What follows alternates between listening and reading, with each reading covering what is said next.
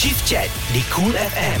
Suara semasa. Uh, terima kasih kerana anda masih lagi bersama kami di Cool FM dan dalam Chief Chat ni anda bersama saya Silen Paul uh, dan dalam rancangan ini kita akan bersama tetamu-tetamu yang boleh menjadi inspirasi kita uh, ataupun kita boleh belajar daripada perjalanan kehidupan mereka.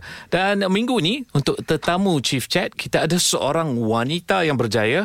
Uh, beliau merupakan seorang peguam pengarah urusan SR Publication, uh, producer drama dan juga antara penulis novel popular ataupun paling popular di Malaysia yang sekarang ni tengah hangat dekat TV3 dengan dramanya iaitu Tujuh Hari Mencintai Silen Paul uh, ataupun part 2-nya Tujuh Hari Mencintaiku kita bersama dengan Siti Rosmiza Smile selamat datang Terima kasih di atas undangan Ay, daripada Cool FM. Saya tengah nervous ni sebenarnya. Uh. Kenapa kenapa? Uh, kerana bersama seorang karyawan uh, yang boleh buat uh, cerita bukan saja dari segi penulisan tapi juga daripada segi penerbitan yang boleh menggerakkan satu negara. Oh, jadikan apa ya? Kita boleh katakan fenomena ya sekarang ni. Ya, betul. Tapi rasa antara persoalan yang pertama saya nak tanya uh, Siti adalah rasanya ramai yang tertanya-tanya bagaimana seorang peguam boleh menjadi seorang penulis novel yang berjaya. Macam mana tu? Uh, sebenarnya dia tak ada tak perlulah nak rasa satu benda yang kejutan sangat mhm. sebab mm-hmm. sebagai seorang peguam ni dia melalui banyak fasa-fasa kehidupan manusia uh, macam saya banyak handle case yang berkaitan dengan hidupan rumah tangga kisah penderaan uh, jadi daripada situ saya mendapat idea untuk membawa dia kepada masyarakat sebab kadang-kadang masyarakat kita dia tak peka mengenai apa perkara yang sebenarnya dah berlaku. So ini kisah-kisah sebenar. Kisah-kisah daripada kes-kes yang kita handle yang kita uh, kadang-kadang kita buat uh, satu biro macam bantuan percuma kepada uh, kerja-kerja kebajikan yang kita panggil ibu-ibu tunggal yang perlukan nasihat untuk kita bantu. Hmm. Uh, jadi dari situlah kita banyak berkongsi dan memberi inspirasi pada mereka untuk bangkit. Sebab kita kena ingat ya kes penderaan pada wanita ni bukan mudah untuk wanita tu bangkit semula nak nak nak teruskan balik hidup. Uh, jadi mereka perlu ada orang untuk memotivasi mereka untuk mengubah kehidupan mereka tu. Tapi, jadi macam mana boleh tercetus idea tu? Okey, tengok kisah-kisah sebenar ni uh, daripada uh, apa uh, aktiviti-aktiviti guaman yang uh, yeah. Siti buat. Mm-hmm. Tapi macam mana boleh ter- tercetus anak tulislah novel? Uh, dia sebenarnya macam ni sebab mula-mula saya berfikir macam mana saya nak share dengan society dengan masyarakat di luar sana. Jadi kita berpandangan kalau saya buat bentuk fakta mm-hmm. orang tidak akan berminat. Uh, jadi saya kata saya nak mencuba kreativiti. Just cuba sebenarnya pada permulaannya. Jadi saya menulis, saya mula-mula orang kata lebih kepada nak tulis macam just like a diary lah untuk berkongsi setiap kali satu kes just put a diary. Tapi lepas tu jadi macam satu cerita yang menarik. Aha. Dan saya rasa eh why not saya jadikan dia try untuk jadikan dia satu novel. Ah, jadi saya dari jadi, situlah. Jadi ah. idea tu datang daripada diri sendirilah dari bukan sendiri. orang yang membaca ah. diary ah, Tak ada ke? tak ada saya sendiri yang terfikir eh why not saya jadikan dia sendiri. Saya sendiri rasa oh macam ada jalan cerita yang boleh diketengahkan. Ah, jadi saya tak tahulah mungkin kreativiti ni kita anggaplah sebagai satu anugerah daripada Tuhan. Ah, mm-hmm. Jadi saya bila saya lahirkan novel yang pertama anda itu takdirnya uh, dan saya tengok dia mendapat sambutan dan ramai orang sedar oh macam ni perempuan yang kena dera uh, sebab novel tu memang kisah penderaan pada seorang perempuan uh. okey uh, tadi uh, Siti ada bercakap tentang pengajaran ataupun benda-benda yang kita lihat daripada kes-kes sebegini hmm, betul. tapi sebentar lagi saya sendiri nak tanya pengajaran yang Siti sendiri lalui Cool FM satu jam bersama Silen Paul dalam Chief Chat di Cool FM Okey, kepada anda yang mendengar kami di Pulau Pinang, anda mendengar kami di 90.2 FM bersama saya Silen Paul, Chief Chat, uh, di mana kita jemput tetamu untuk kita belajar daripada perjalanan kehidupan mereka supaya kita boleh jadikan mereka apa perjalanan kehidupan mereka sebagai inspirasi kita. Dan minggu ni seperti yang saya cakap awal tadi, kita dah bercakap pun dengan beliau Siti Rosmiza Smail, uh, seorang peguam, uh, pengarah urusan SR Publication, producer drama dan juga penulis novel popular di Malaysia yang sekarang sekarang ni tengah hangat dekat TV3 adalah Tujuh Hari Mencintaiku uh, Part 2. Uh, tapi sekarang ni uh, nak tanya Siti. Tadi kita bercakap tentang pengajaran dalam kehidupan. Tapi apa yang saya sendiri nak tahu adalah apa pengajaran dalam kehidupan Siti ketika muda Uh, hmm. mungkin dalam uh, 10, 15, 20 tahun ketika yang lepas. Ketika muda sekarang pun tak tua lah kan. Uh, uh, sekarang masih masih muda, jiwa uh, muda. Uh. Tapi ketika muda, pengajaran tu menjadi prinsip hidup Siti sendiri. Apa apa cerita di sebalik tu? Ada tak? uh, cerita dia kalau kita nak lihat sebenarnya um, saya rasa pengajarannya sebenarnya lebih daripada kesusahan hidup keluarga lah. Uh, hmm. Sebab saya bukan lahir daripada keluarga yang senang. Saya hidup dalam keluarga yang susah. Jadi uh, saya meletakkan satu aim untuk kita berjaya, untuk kita merubah hidup kita sebab saya percaya bahawa kemiskinan itu tidak tidak semestinya kita jadikan alasan untuk kita matikan apa cita-cita kita ataupun kita punya impian untuk kita terus melangkah ke depan. Uh, boleh tak ceritakan lebih uh, orang kata detail sikit? Because kadang-kadang uh, kemiskinan ni subjektif.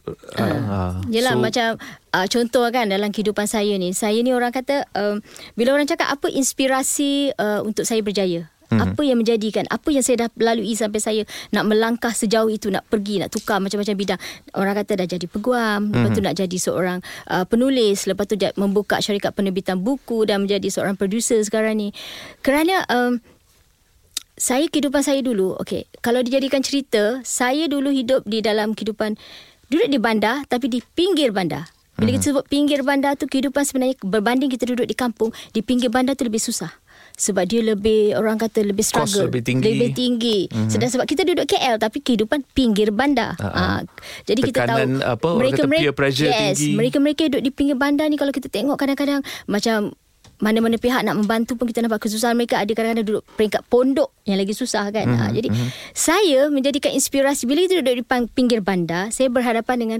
kota raya Kuala Lumpur bila dia dari rumah saya, saya akan melihat satu rumah banglo yang cukup besar dan mewah. Mm-hmm. Setiap hari memang bila saya buka pintu nak pergi sekolah ke apa, saya akan nampak. Dan saya berkata, macam mana orang tu boleh dapat rumah banglo? Since I sekolah daripada primary school sampai secondary school, saya sentiasa bertanya, macam mana dia boleh dapat? Mesti dia buat sesuatu, mesti dia orang kaya. Tapi macam mana nak jadi kaya? Mm-hmm. Sebenarnya bila orang kata, siapa inspirasi you sampai you lebih berjaya? Saya cakap rumah banglo. Tapi saya tak tahu who's the owner until now lah kan. Ha, tapi saya tahu dia boleh, kenapa, mengapa? Dan saya kata pada diri saya, saya saya nak memiliki rumah seperti itu satu hari nanti. Saya uh-huh. nak berjaya seperti orang di dalam tu. Dan uh, daripada situlah itu menjadi pendorong. Jadi lah. pendorong uh-huh. rumah itu. Uh, jadi saya sampai sekarang saya dapat merubah satu step ke satu step dan akhirnya uh, saya so, boleh dah, dah dah dapat ke rumah tu? Uh, tapi uh, setakat ni dah dapat lah. Alhamdulillah. Tahniah. Uh, dah tercapai lah hajat tu. Saya rasa uh, banyak uh, kita boleh tengok um, orang kata similarities uh. Uh, cerita macam minggu lepas kita ada angka Bintang pun bercakap tentang kesusahan yeah. ketika dia kecil mm-hmm. itu menjadi pendorong dia untuk berjaya mm-hmm. dalam kehidupan. Uh, Siti, saya rasa dalam kehidupan tu uh, bila kita tahu yang kehidupan tu susah, uh, pasti ramai yang sekeliling anda akan bagi tahu anda uh, apa-apa idea ataupun apa-apa uh, orang kata pandangan yang anda bagi dia akan bagi tahu tak boleh berjaya lah because awak datang daripada pinggir bandar. Hmm. So macam mana uh, Siti Rosmiza mengatasi pandangan sebegitu? Okay, saya uh, sebab kehidupan saya ni uh, saya bila saya duduk di pinggir bandar, saya duduk di kalangan masyarakat. Terus terang saya kata, yang dari segi kehidupan sosial mereka ini yang tidak bukan dalam kategori yang bagus. Mm-hmm. Uh, orang kata kalau dekat situ banyaknya kanak-kanak yang dah rosak lah akhlak lah. Orang kata yang banyak ponteng sekolah, merokok, uh, masa zaman kita dulu lah. Mm-hmm. Uh, mm-hmm. Jadi dari situ saya saya tidak melihat mereka sebagai satu kekurangan. Tapi saya melihat mereka sebagai satu semangat pada kita. Dan saya, mereka itu adalah kawan-kawan saya yang pada saya saya suka dekat dengan mereka dan saya suka berbual dengan mereka dan saya suka uh, macam orang kata kalau boleh kita make them as a friend dan dari situ kebanyakan mereka yang mana dah merokok ke yang ponten sekolah ke banyak yang kita dapat ajak mereka dapat berubah dan sebenarnya saya kata sebenarnya uh, diri saya ni lagi saya suka pada satu cabaran lagi hmm. saya ditekan lagi saya dikecam, lagi saya dihina, lagi saya akan bangkit. Ha, so. Itu satu tips yang baik kepada anda yang tengah, tengah mendengar sekarang ni. Uh, kalau anda rasa anda tak boleh berjaya, gunakan tips itu yeah. untuk membakar semangat anda. Cool FM. Silen Paul akan berbual tentang bisnes serta gaya hidup dalam Chief Chat di Cool FM. Okey, anda juga boleh mendengarkan kami di www.coolfm.com.my dan minggu ni untuk Chief Chat kita bersama Siti Rosmiza, seorang peguam, pengarah urusan SR Publication, producer drama dan juga penulis novel popular di Malaysia yang kini hangat dengan tujuh hari mencintai ku 2 dekat uh, TV3 bukan saja sebagai penulis novel tersebut uh, tapi juga sebagai producer untuk uh, drama series uh, di TV3 ini. Uh, dan sebagai salah seorang wanita yang berjaya Siti Rosmiza. Um, apa yang Siti rasa wanita zaman sekarang boleh tambah baik pada diri untuk berjaya dalam hidup supaya boleh uh, orang kata compete uh, dalam industri-industri yang didominasi oleh lelaki.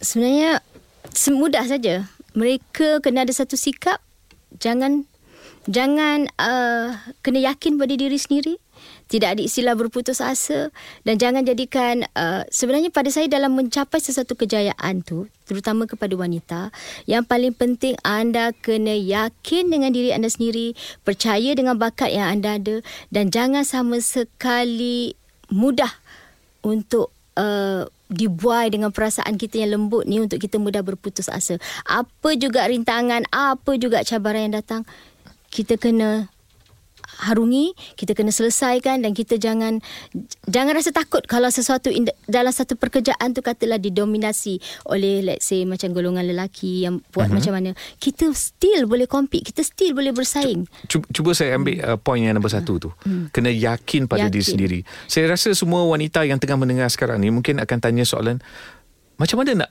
nak build that keyakinan? Uh, because kita uh, kita boleh tengok uh, naturally uh, mungkin saya salah uh, tapi seorang wanita Melayu uh, tak boleh nak tunjuk uh, terlalu confident sangat. Takut nanti di di uh, salah ertikan sebagai uh, angkuh ke. So apa macam mana kita nak tunjuk keyakinan?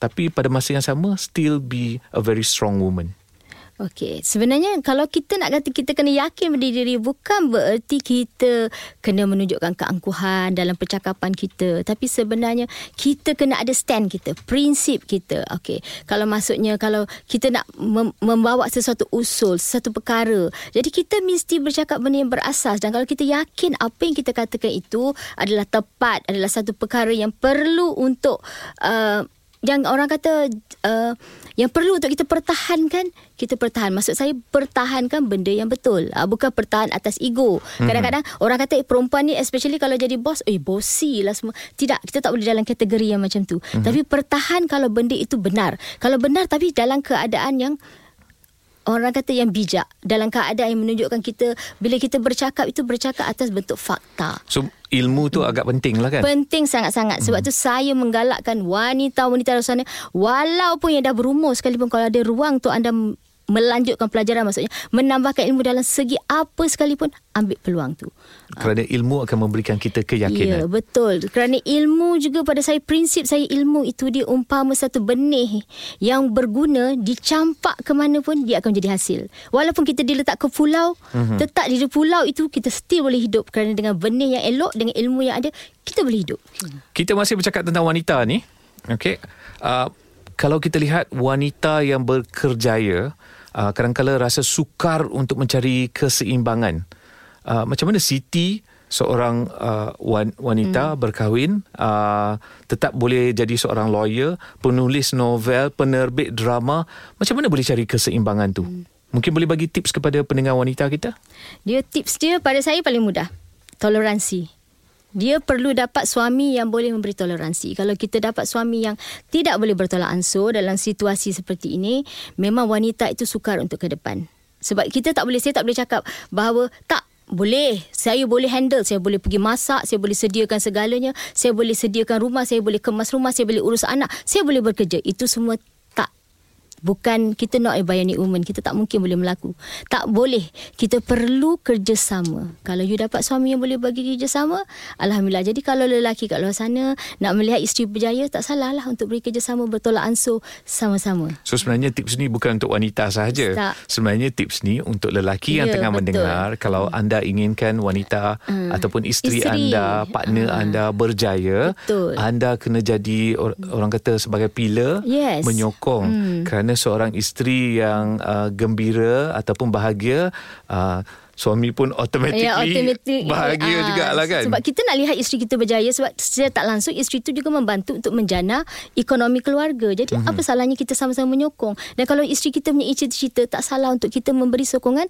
yang untuk mencapaikan impian dia. Ha, itu saja. Tapi tolak ansur itu saja. Jadi kepada isteri-isteri yang tengah mendengar sekarang, gunakan ilmu, naikkan keyakinan dan sampaikan pesanan kepada suami anda hari ini. Ya betul. Cool FM. Bisnes serta gaya hidup C-Level bersama Silen Paul di Cool FM.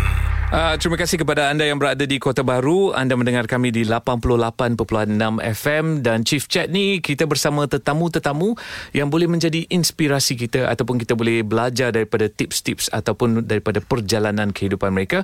Minggu ni kita bersama dengan Siti Rosmizah, uh, seorang peguam, pengarah urusan, uh, producer drama dan juga anda mungkin kenali dengan penulis novel paling popular di Malaysia yang tengah hangat sekarang ni dengan tujuh hari mencintai uh, dua dekat uh, TV3 uh, dan nak bercakap pasal penulisan ni Uh, sekiranya yang tengah mendengar ni nak menjadi seorang penulis yang berjaya seperti, seperti uh, Cik Siti, apa tiga benda yang betul-betul mereka perlu fokus? Okey, yang penting tiganya pertama kena ada kreativiti. Uh-huh. Kreativiti amat penting sebab saya tengok di luar sana kadang-kadang memang mereka nak jadi seorang penulis tapi kadang-kadang bila mereka bertanya satu soalan yang saya tak mampu jawab, macam mana nak mula menulis? Uh-huh. Macam mana jadi penulis kalau tak tahu macam mana nak menulis? Ha, jadi kreativiti, disiplin, komitmen. Sebab apa saya kata?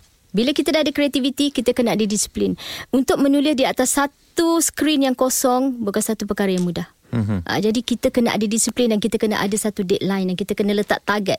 Saya nak habiskan dalam masa tiga bulan. Saya kena buat ini dalam masa bila. Sebab kita tidak boleh putus mood bila kita menulis. Supaya ilham tu dia tidak terputus. Kita tak boleh letak seminggu, dua bulan lagi sambung balik kita punya feel tidak akan sama. Mm-hmm. Ha, jadi itu. Yang ketiganya memberi full commitment maksudnya kita masuk dalam watak-watak itu. Sebab Masuk saya dalam, dalam menulis Uh-huh. sebab itu uh, macam saya sekarang ni macam bila pelakon-pelakon bermelakon ke satu watak, watak itu saya dah lakonkan dahulu. Uh, macam contoh dalam tujuh hari Saya merintih sebagai Mia Adriana uh-huh. Yang sekarang ini uh, dah, dah, dah, dah insaf minta maaf dengan mak mentua tapi mak mentua tak nak tapi demi kebahagiaan Kuzeri dia sanggup relakan kahwin dengan Nurul Ain sekarang ni kan? Ha, jadi saya menangis. Mia menangis saya yang menangis dulu.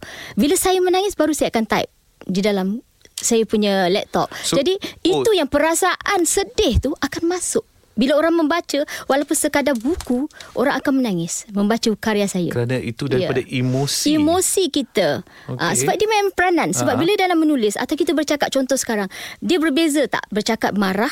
Kalau saya tengah sedih sekarang nada saya akan jadi lain. Hmm. Uh, bila saya tengah rasa ketawa gembira saya akan nada lain. Ah uh, macam itulah bila kita dalam situasi tu kita menulis terpi- benda tu akan lahir dalam kita punya penulisan. Itu paling penting.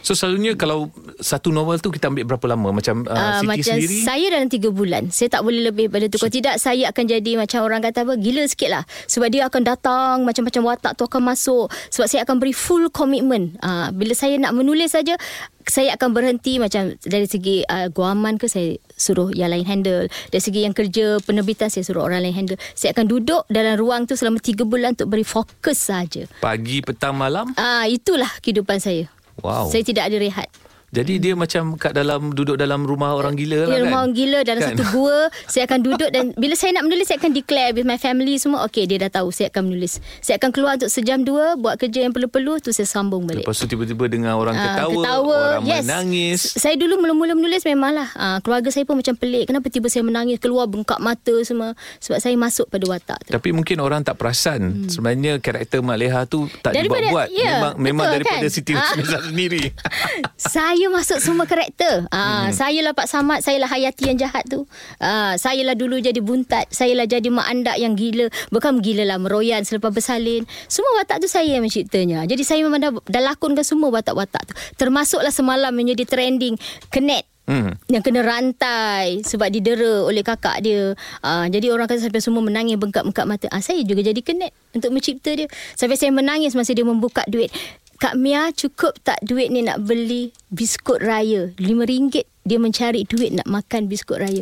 Ah itu yang meletup semalam tu. Saya rasa itu antara tips yang paling yeah. bagus untuk anda yang ingin menjadi seorang Hmm. penulis hayati watak tersebut sebelum anda menulis uh, dan tuliskan dalam atas paper dan sebagainya. Uh, seterusnya daripada penulis novel macam mana boleh jadi penulis lirik lagu ni? Ha, kan? Ha, macam mana jadi? Okey, dia dia kisah dia mudah je. Sebenarnya kami nak cari lagu OST untuk drama drama hit ni lah drama tujuh hari. Jadi kebetulannya saya di approach macam saya kata oleh satu label MVM datang pada saya dan bawa lagu yang dikompos oleh Ipoh Hafiz. Hmm. bila saya bawa lagu tu dan saya bawa kepada stesen dan pihak stesen kata mereka perlu tukar melodi. Sebab kalau ikut pada melodi yang ada saja mereka rasa tak kena. Hmm. Tak tak macam tidak menarik hati mereka lagi. Uh, jadi mereka kata boleh tak buat lirik biar kita tengok dulu dengan lirik tu ada sesuai. Jadi bila saya memikirkan siapa lagi yang kenal watak ini selain daripada diri saya. Ha, so saya pun cakap dengan pihak label Oh. Boleh tak saya yang buat lirik tu ha, Jadi mereka kata Okay no problem So saya tulis Berdasarkan perasaan Mia tu Dan saya hantar ke stesen Dan mereka approve Mereka cakap okay ha, So dari situ ha, Baru kita nak cari Siapa yang sesuai Untuk menyanyikan pula Daripada lagu Wah. ni ha, Itu je lah Memang punca kenalah Akulah Ah, bidadariku. bidadari syurga. Ah, itulah. Dahsyat sungguh. Okey, sebentar lagi kita akan bercakap tentang uh, tujuh hari mencintaiku tiga. Ya. Ada ke tidak? Tapi tunggu Ah, dulu. betul. Ah, kita akan kembali sebentar lagi dengan Siti Rosmiza Cool FM. Usahawan, pengurus atau anda dah bersedia untuk kembangkan kerjaya anda ke tahap yang lebih tinggi? Dapatkan motivasi anda bersama Chief Chat di Cool FM. Okey, Chief Chat uh, untuk minggu ni kita bersama dengan Siti Rosmiza, uh, peguam pengarah urusan SR Publication, producer drama, penulis novel popular yang tengah hangat sekarang dengan Tujuh Hari Mencintaiku 2. Tapi yang tengah hangat diperkatakan dekat Twitter, uh, ramai peminat-peminat uh, untuk karyawan Siti Rosmiza tanya, adakah Tujuh Hari Mencintaiku 3? Ha. Ya. Jawab.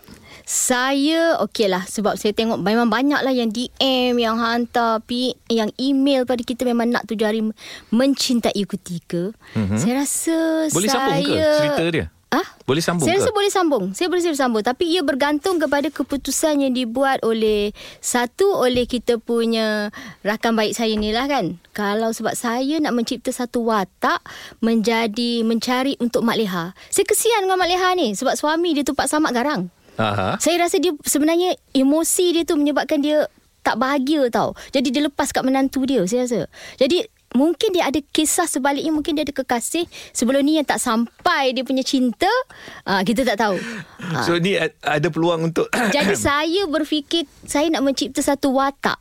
Uh, kalau okey, mungkin akan terjadinya sambungan ini mana tahu kalau Sila Empau sanggup masuk ke set saya untuk menjadi kekasih gelap Mak Leha dengan wataknya saya kata apa? Ma, Kamal. Kamal. Ah, Kamal.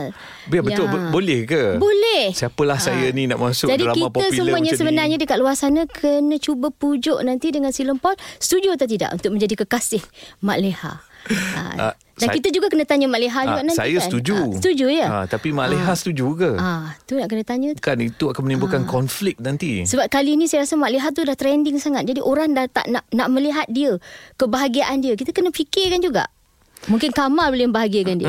Hmm. Ah. Saya dah cuba dapatkan Mak Leha di talian. Cuba Ah, kita ah. berborak dengan Mak Leha Ya. sendirilah. Ah, ah, Kak Liza, apa khabar? Ya saya. Khabar baik Alhamdulillah. Ah, nama saya Silen Paul ataupun uh, sekarang ni uh, dipanggil uh, Kamal. Siapa? Kamal. Eh, I memang daripada dulu menanti-nantikan kehadiran Silam Paul. Uh, di dalam uh, hati ke di, di dalam drama? Dia tengok keadaan, dia tengok keadaan. Tengok mood lah. Kalau kesunyian, I cari layu. Mak Leha dah okey. Uh, saya alamak. tak Ah, boleh kita kot. cubalah, kita cubalah macam Ah, mana. Penyampai Ah. radio boleh lah Berlakon tu tak tahulah kan Ah, kita tak tahu bakat terpendam.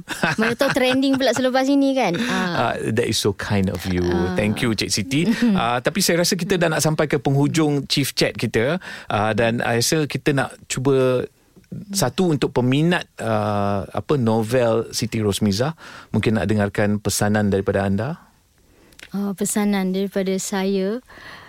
Uh, saya berharap apa juga yang cuba saya sampaikan dalam karya saya, dalam drama saya sampai kepada anda jangan memandang dari sudut negatif saja. Saya tahu pada awal-awal cerita ni mendapat kecaman yang teruk kepada pelakon-pelakon sendiri yang begitu tabah memberitahu kepada saya mereka dikecam. Tapi saya rasa apa yang kita tunjuk itu itulah sebenarnya benda yang benar realiti yang berlaku di luar sana. Kadang-kadang kita tak boleh nak dimomokkan dengan benda yang indah yang sweet tak. Kalau anda membaca karya saya kalau anda mengharapkan untuk drama saya diadaptasi anda kena telan yang pahit untuk anda dapat yang manis. Ha, yang itu anda kena lalui. Sebab rencah hidup kita kita tidak akan sentiasa bahagia. Kita kena melalui cabaran rintangan dan manusia ini mempunyai pelbagai sikap yang kita kena sedar dan kita kena kena sentiasa sensitif di sekitar kita supaya kita sentiasa menjadi masyarakat yang peka untuk membantu orang di sekeliling kita. Okey, itu uh, pesanan hmm. sebagai seorang karyawan. Yeah. Tapi sekarang kepada semua pendengar Cool FM yang cuba mencari keseimbangan dalam kehidupan yang agak mencabar sekarang ni. Mungkin ada kata-kata hikmah daripada uh, Cik Siti sendiri? Hmm, saya tahulah dalam keadaan sekarang kita ni semua orang akan ada satu perasaan tertekan yang amat uh-huh. sangat. Uh-huh. Jadi yang paling penting macam saya cakap, kita yang saya kata pegang satu prinsip, kita jangan berputus asa dalam kehidupan kita. Jangan sama sekali berputus asa. Tidak pernah ada sebab ruang untuk kita berjaya itu tidak pernah disekat oleh sesiapa, melainkan yang menyekatnya diri kita. Itu saja. Kalau kita keluar daripada tembok tu, kita boleh melangkah apa juga rintangan, kita mesti boleh lalui. Itu kita kena percaya. Yakin pada diri, kita melangkah, kita akan berjaya. Banyak sangat tips hmm. yang kita belajar daripada Siti Rosmiza hari ini. Uh, kita nak ucapkan daripada Cool FM dan juga saya sendiri secara personal nak ucapkan uh, semoga berjaya, terus berjaya, Terima terus kasih. dapat rumah yang anda gambarkan, uh, gambarkan lebih banyak lebih rumah, besar lagi lebih ya? besar, uh, uh, mudah-mudahan. Uh, lebih orang kata uh, uh, berjaya, berjaya bukan saja daripada segi penulisan hmm. tapi juga daripada segi produksi dan seterusnya mewarnai hidup kita hmm. setiap hari dengan karya-karya hmm. yang agak menarik. InsyaAllah. Terima kasih. All the best. Dan kepada anda yang tengah mendengar, terus saja bersama kami, Cool FM. Chief Chat bersama Silin Paul di Cool FM.